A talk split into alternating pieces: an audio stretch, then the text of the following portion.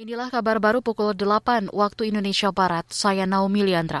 Komisi Nasional Hak Asasi Manusia Komnas HAM mengeluarkan sejumlah rekomendasi untuk pemerintah terkait peringatan Hari Pekerja Migran Sedunia ke-32. Anggota Komnas HAM Anis Hidayah mengatakan lembaganya merekomendasikan pemerintah mengintegrasikan jaminan HAM ke dalam kebijakan yang dikeluarkan dan dalam implementasi kebijakan tersebut. Kemudian permohonan pemulangan pekerja migran karena hilang kontak, kesulitan pemulangan jenazah, dugaan penyanderaan oleh pihak majikan maupun P3MI.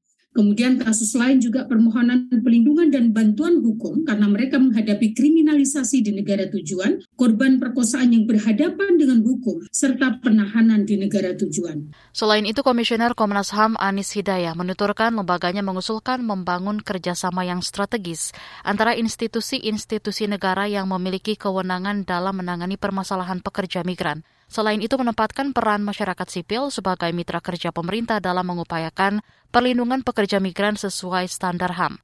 Komnas HAM juga mendesak pembenahan tata kelola permasalahan pekerja migran secara komprehensif. Komnas juga mendesak pengawasan efektif terhadap perusahaan penempatan pekerja migran dan agensi di luar negeri atau majikan. Kita ke berita luar negeri. Mayoritas warga Jepang menolak kenaikan pajak demi meningkatkan anggaran pertahanan negara. Sebelumnya, Perdana Menteri Fumio Kishida berencana menambah anggaran untuk memperkuat pertahanan Jepang dari 1 persen ke 2 persen produk domestik bruto. Rencananya uang itu akan dipakai untuk membeli lebih banyak rudal balistik jarak menengah dan jauh. Jepang berencana membeli rudal Tomahawk produksi Raytheon di Amerika Serikat. Media Kyodo menyelenggarakan jajak pendapat terkait rencana pemerintah Jepang menaikkan pajak guna membiayai peningkatan anggaran pertahanan. Hasil survei yang dirilis Minggu menyebutkan mayoritas warga Jepang menolak rencana pemerintah itu. Hasil jajak pendapat menyebutkan 65 persen responden tidak menginginkan kenaikan pajak apa pun, termasuk untuk peningkatan belanja pertahanan. Sebanyak 87 persen responden menganggap penjelasan Kishida tidak cukup untuk menjadi landasan kenaikan pajak.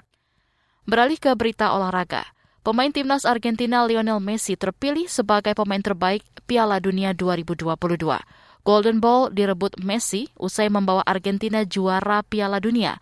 Messi mengalahkan Kylian Mbappe di posisi kedua dan Luka Modric di posisi ketiga.